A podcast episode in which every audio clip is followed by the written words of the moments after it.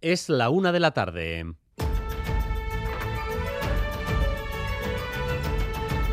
Crónica de Euskadi con Dani Álvarez. A Rachaldeón, la cruzada de las instituciones vascas por el tren de alta velocidad y especialmente por la conexión atlántica con Francia llama otra vez a la puerta de la Comisión Europea. Mañana va a haber una reunión entre el Endacari Urcuyu y el presidente de Nueva Aquitania, Alain Rousset, eh, con la comisaria europea de Transportes. La misión es conseguir que París no meta en la nevera la alta velocidad del arco atlántico tal y como pretende José Luis Fonseca.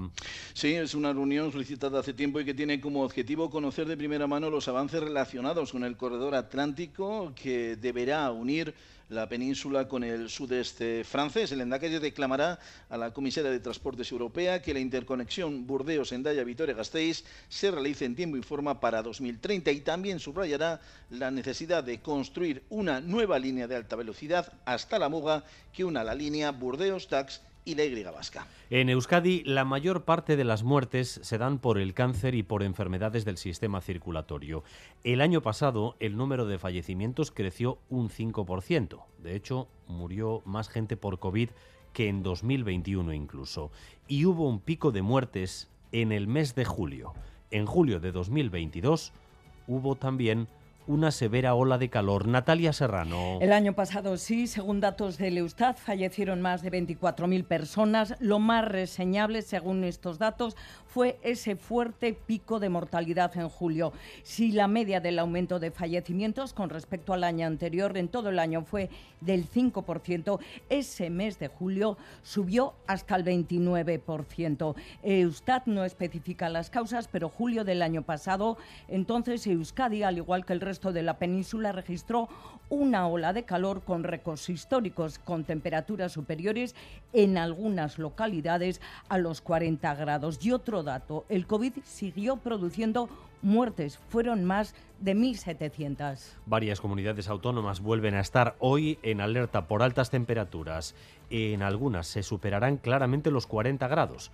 El Gobierno de España quiere organizar las medidas para hacer frente al aumento de las olas de calor y prevenir sus consecuencias en la salud.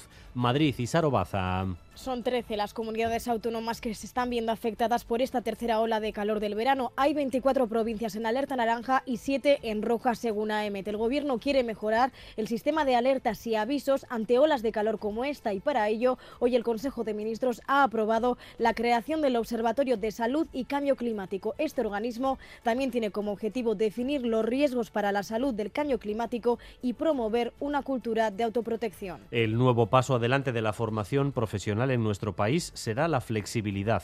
Los estudios ya no deberán hacerse en años consecutivos, sino cuando se pueda o quiera. De hecho, se sumarán las horas cursadas, aunque sean en cursos diferentes.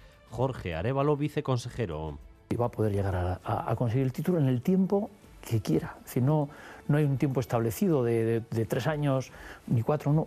al ritmo que pueda hacerlo, la cuestión es que las personas se vayan preparando mejor. El futuro va a necesitar de una preparación más profunda de las personas para todo lo que nos viene. ¿no? Toda esa, necesidad de preparación, de formación, hace que tengamos que adaptarnos mucho también a las personas. Y es lo que va a hacer la FP Vasca, se va a adaptar a las personas. El alcalde de Donostia abre la puerta definitivamente a la construcción de la nueva sede del Basque Culinary Center en el barrio de Gros, en la parcela de Manteo. Una ampliación clave para el crecimiento de este centro de enseñanza referente internacional en la gastronomía. David Beramendi. Sí, el Ayuntamiento Donostierra acaba de aprobar la cesión al Basque Culinary Center de forma gratuita y durante 75 años el uso de la parcela de Manteo en la que se va a construir esa segunda sede del BCC. Lo ha anunciado en rueda de prensa el propio alcalde Goya, una comparecencia a la que han llegado a entrar dos miembros de la Asociación de Vecinos de Ulía que han recurrido el plan ante el Superior de Justicia. Estos han recriminado a Goya su decisión y este que ese no era el momento ni el lugar para mantener un rifirrafe. Después de cuatro o cinco minutos, los vecinos de Ulía han abandonado la sala de prensa. El grupo de teatro Marqueliñe retoma su actividad internacional en Asia con la obra Euría. Esta mañana han cogido rumbo a Seúl, Corea del Sur, y de allí viajarán a Japón para actuar a finales de julio. vuelven, por tanto, a cumplir el sueño de viajar a Asia, un sueño que se les truncó hace tres años por la pandemia, aunque el mercado internacional sigue siendo complicado para las compañías vascas. Yonke Pazumalde. Visualizar de alguna forma la, normalización quizá de, del post-pandemia. Nosotros, antes de la pandemia, casi un 20% de las funciones que realizábamos las hacíamos en el extranjero y hoy en día pues ese, ese número todavía no llega ni mucho menos parecerse a la realidad. Y vamos también con lo más destacado del deporte con Álvaro Fernández Cadierno. A Rachaldeón, Álvaro. A Rachaldeón, pendientes del Tour de esa crono de 22 kilómetros con un puerto de segunda categoría 3 de meta y con Vingegaard y Pogachar separados por solo 10 segundos. En fútbol, la Guardia pone ahora mismo punto final a su carrera como futbolista y a nueve años como jugador del Deportivo Alavés. Tenemos también amistoso en Lerín, siete y media de la tarde.